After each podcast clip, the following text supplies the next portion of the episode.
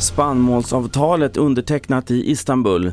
Försvunna hästar har hittats döda och Sverige stor favorit inför kvällen. Ja, TV4-nyheterna börjar i Istanbul där Ukraina och Ryssland för en stund sedan undertecknade avtalet som öppnar ukrainska hamnar och gör att tonvis av spannmål kan fraktas genom Svarta havet. Med under ceremonin var FNs generalsekreterare Antonio Guterres. This is an agreement for the world. It will bring relief for developing countries on the edge of bankruptcy and the most vulnerable people on the edge of famine.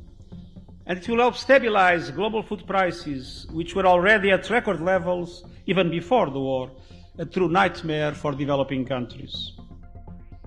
För tio dagar sedan försvann de två hästarna Bibi och Dogge från hagen i närheten av skånska Hyllinge i Åstorps kommun.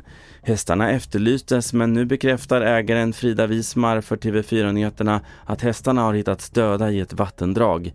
Fallet förbryllade kriminalprofessor Leif GW Persson som sa så här innan hästarna hittades.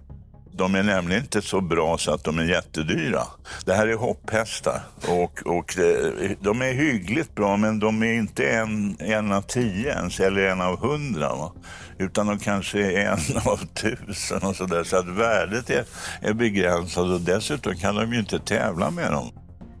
Och sist fotbolls-EM. För klockan nio ikväll så är det avspark för Sveriges kvartsfinal mot Belgien.